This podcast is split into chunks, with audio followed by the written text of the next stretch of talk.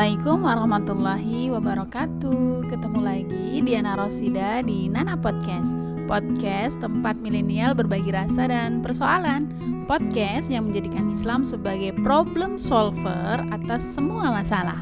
Bagaimana kabar teman-teman semua? Semoga senantiasa dalam lindungan Allah ya. Tetap istiqomah di jalan taat dan terima kasih juga untuk kalian yang terus mendengar Nana Podcast di mana di Nana Podcast ini insya Allah kita akan membahas tren milenial Dan jangan lupa juga ya follow akun IG saya Umu Hafid Rosid Kalian boleh nge-DM kok kalau ada persoalan yang bisa diangkat di podcast kita. Boleh sharing, nanti solusinya akan kita bahas di Nana Podcast. Dan semoga ini bisa menjadi pelajaran ataupun teman-teman lain bisa mengambil hikmah dari konten yang kita angkat. Dan kesempatan kali ini eh, aku mau mengulik lebih dalam tentang PJJ yang mungkin masih dirasain teman-teman semua ya Cuma kali ini aku bareng teman kampus yang tahu sendiri lah kalau teman kampus tuh biasanya pembahasannya lebih sistematis, lebih detail kayak gitu. Jadi buat kamu yang kemarin uh, masih kepo uh, bahwa penyelesaian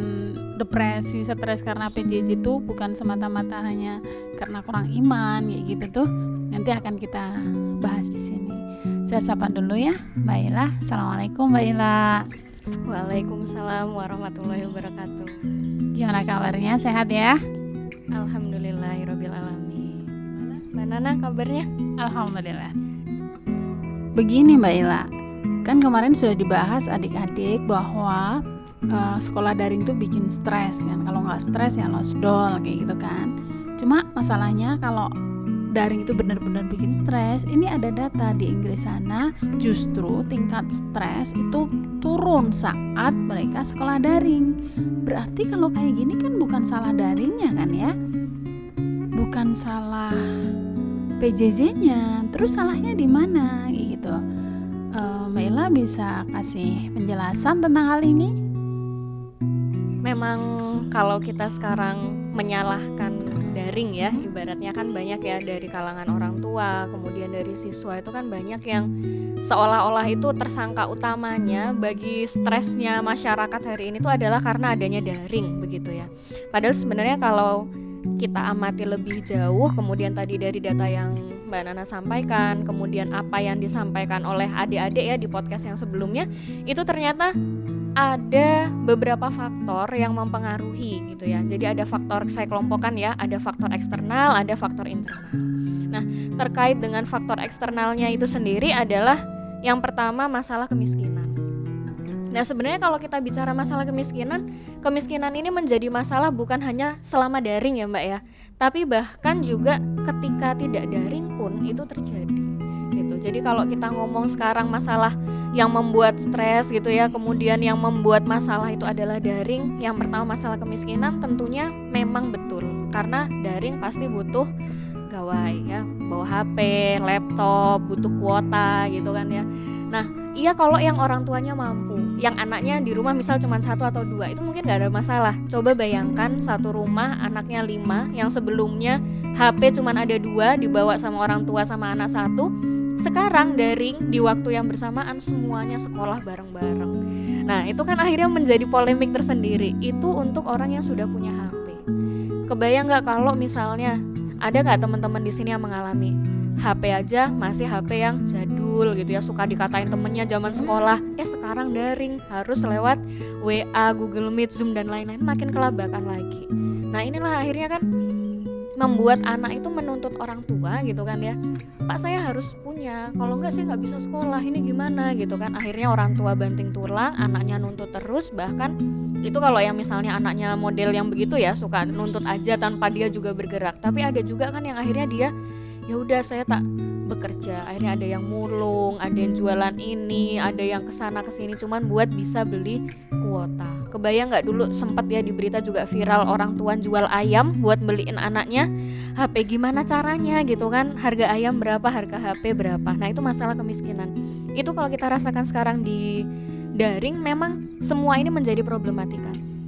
Tapi masalah kemiskinan ini ternyata juga kita alami ketika tidak daring faktanya masalah makanan gak tercukupi gizi anak di sekolah ngantuk gitu ya itu kan apa Mbak Nana yang sebagai praktisi pendidikan pasti mengalami kan melihat bagaimana perbedaan antara anak yang satu dengan yang lain.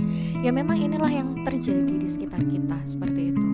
Jadi masalah kemiskinan yang tadi yang sebagai faktor eksternal ini yang hari ini menjadi tersangka utama ya ibaratnya di masalah daring ternyata dulu pun kita sudah mengalami sebetulnya.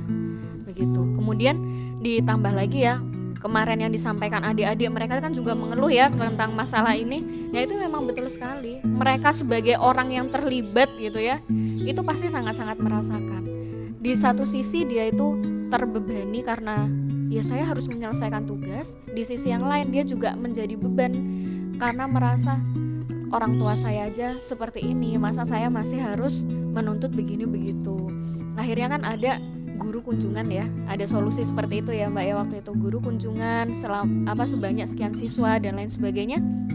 Tapi faktanya justru tidak terjadi apa namanya bisa uh, bisa jaga jarak itu kan nggak ada ya. Jadi malah bergerombol juga tapi di rumah yang lebih kecil kan ibaratnya kan seperti itu. Sebenarnya juga kan nggak menyelesaikan masalah gitu kan ya. Nah ini masalah kemiskinan. Kemudian yang berikutnya adalah faktor eksternal yang kedua gitu ya. Yang kemarin juga disampaikan adik-adik itu terkait apa? Kesepian karena nggak ketemu kawan. Iya secara psikis tuh uh, dia ngedrop ya. Galau karena apa? Terbiasa ketemu temen gitu ya yang biasanya ngobrol sepanjang waktu ya bener nggak dek? Nggak ada adik-adiknya ya yang denger ketawa nih pasti.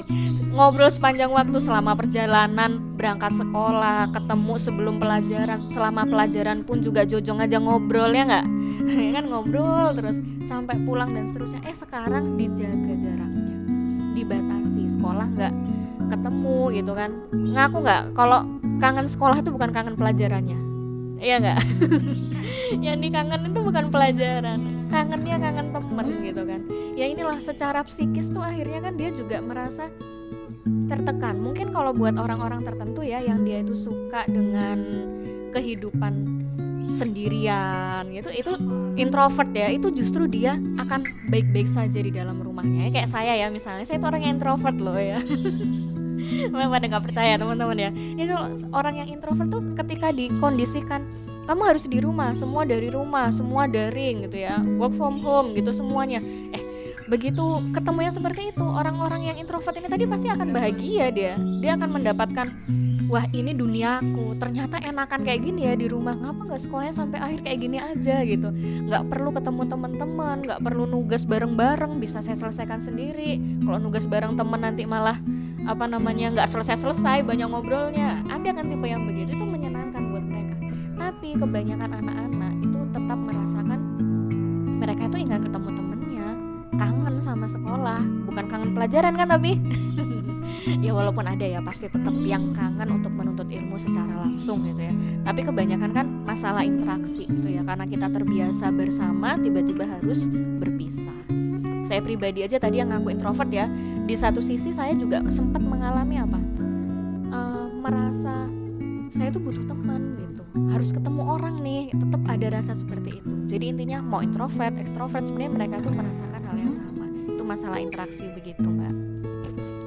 Jadi memang fitrahnya manusia itu kan makhluk sosial. Nggak mungkin dong dia bisa sendiri walaupun daring pun juga mereka butuh ketemu. Cuma masalahnya orang introvert ketemunya kan lewat apa namanya nggak langsung gitu mereka enjoy aja gitu kan.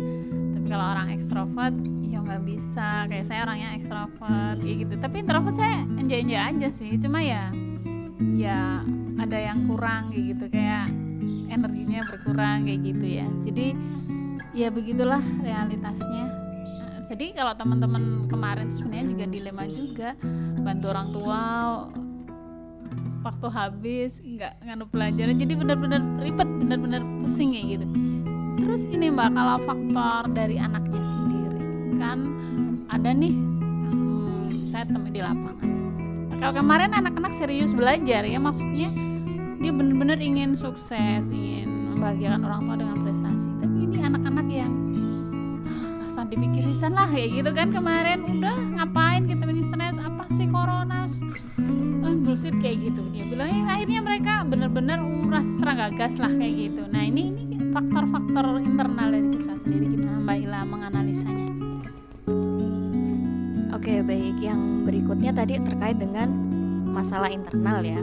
Ya kalau kita bicara tentang masalah internal yang ada di dalam diri siswa itu berarti kan terkait jati diri ya sebenarnya. Pertama itu ya kalau masih SMA dia itu kan masih masa pencarian gitu ya. Dia akan mencari orang untuk disalahkan bener nggak? Mau nggak mau tuh kita pasti akan menjumpai anak-anak yang mencari kambing hitam. Oh kamu ini toh sekolahnya begini begini ya lagi corona nggak ini nggak semangat belajar nggak ada kuota gini nah, nyari alasan-alasan. Padahal sebelum corona pun sebenarnya banyak anak yang bermasalah dalam pelajaran. Ya gitu.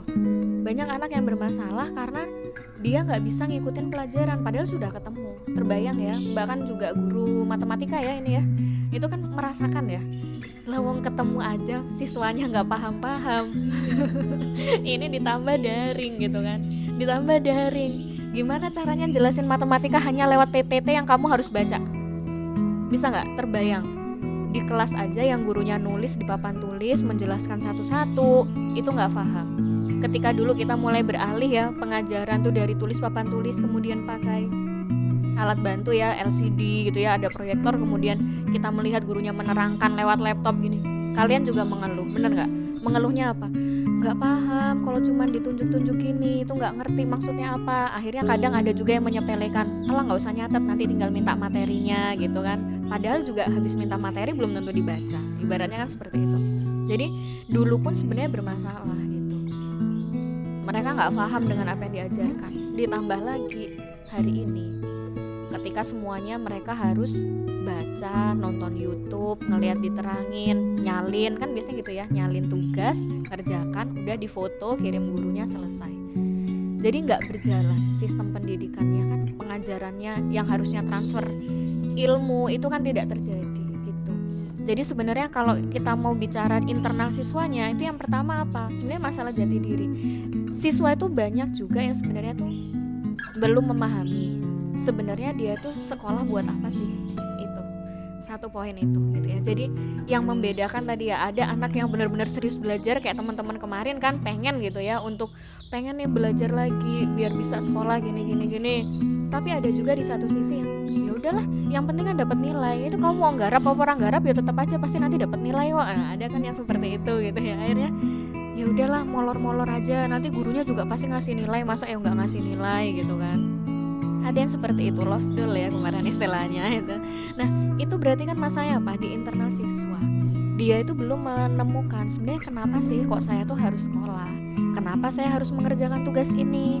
Kenapa kok saya tuh harus dapat nilai? Nah karena sekarang kan siswa itu merasanya saya tuh sekolah buat dapat nilai. Nanti nilai itu yang akan mempengaruhi rapot saya ijazah saya kemudian saya nanti setelah dapat itu semua akan bekerja di mana jadi yang harusnya ingat ya kalau di dalam Islam tujuannya menuntut ilmu itu adalah nah, untuk apa gitu kan ya. Kan semua karena Allah kita itu belajar untuk dapat ilmu. Menuntut ilmu itu adalah untuk dapat ridhonya Allah nanti diterapkan di kehidupan dan lain sebagainya. Lah kalau sekarang tujuannya dia itu sekolah itu bukan lagi menuntut ilmu tapi tujuannya sekolah adalah ijazah dan untuk bekerja. Kebanyakan seperti itu. Nah itu jadi masalah ya di internalnya siswa itu satu. Dia nggak tahu dia tuh sebenarnya sekolah mau ngapain. Jadi ya udah keteteran yang lain. Dan sebenarnya ada masa ada sebab kenapa kok siswa bisa berpikir seperti itu gitu. Kenapa kok siswa itu bisa berpikir saya sekolah cuma buat dapat nilai. Jadi ya wes lah aku mau ngerjain gimana yang jelas pasti nanti lulus. Apalagi kemarin ada tuh yang lulus jalur corona lebih enak. Ya gitu ya ibaratnya kan itu kan jadi ironi ya di kehidupan kita hari ini. Nah ternyata ada satu hal yang mendasari kenapa mereka berpikir seperti itu. Orang itu kan pasti akan berbuat karena apa yang ada di pikiran dia. Dan pikiran apa sih sebenarnya mendasari? Satu hari ini siswa itu nggak punya pegangan dan nggak punya jati diri. Dia ngaku muslim tapi sejatinya jati dirinya itu bukan Islam gitu bukan muslim. Dia nggak tahu Islam itu seperti apa. Makanya bener banget kemarin adik-adik itu yang apa namanya di podcast sebelumnya. Mereka mengatakan ya kita tuh butuh halko butuh ngaji butuh ketemu untuk menguatkan ini keimanan dan lain sebagainya memang itu landasan utamanya seperti itu. Kalau dia sudah kenal Islam, dia tahu bagaimana seharusnya seorang Muslim itu bergerak atas dasar keimanan dan keislamannya dia, dia tidak akan kemudian mudah memutuskan segala sesuatu atas dasar perasaannya aja. Terbayang ya kalau sekarang itu orang banyak stres sampai kemarin ya kasusnya yang mau bunuh yang dia bunuh diri, direkam dan lain sebagainya. Itu kan karena apa? Balik lagi kepada landasan jati dirinya dia. Dia itu siapa sebenarnya? Kan seperti itu, Mbak. Iya, kalau jati diri anak itu sudah ketemu sejak ya sejak dia balik sebenarnya berat apa pun ujian kehidupan mereka akan survive ya karena mereka ada uh, sumber energi kemudian juga pemikiran mereka jadi terbuka dan ini mereka dapat biasanya dari pendidikan di rumah pendidikan orang tua yang paham bagaimana mendidik anak dengan agama menguatkan iman mereka di lingkungan juga mereka berada di lingkungan orang-orang yang beriman. Kemudian sistem sekolah juga harusnya membuat orang jadi beriman. Kadang orang tua udah ngajarin benar-benar eh di sekolah nyontek gak apa-apa lah udah yang penting ada kerjaan. Kadang guru juga begitu kadang juga teman-temannya begitu. Akhirnya rusak lah apa yang sudah kita bimbing di rumah.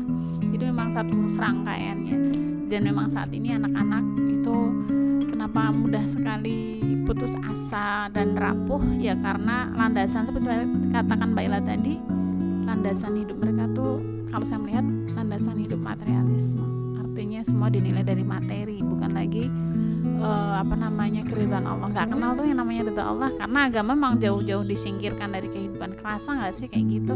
Nah ini ini kita mau ngomongin sistem ini kayaknya ap, mungkin kepo ya teman-teman sistem sistem materialisme ya bagaimana sih ya? Jadi kita ulas sedikit aja Mbak Ila. Jadi nanti kita bisa ketemu lagi bisa kita undang di acara offline untuk bisa mengkaji lebih dalam kalau kalian kepo sih gitu ya. Atau nanti kita bisa conference bareng-bareng di ini juga. Terus ada banyak hal yang bisa kita lakukan insya Allah. Yang mesti ada jalan keluar. Oke Mbak Ila kasih uh, mungkin sedikit pesan yang menggugah di akhir podcast kita. Oke baik. Ya jadi kalau kita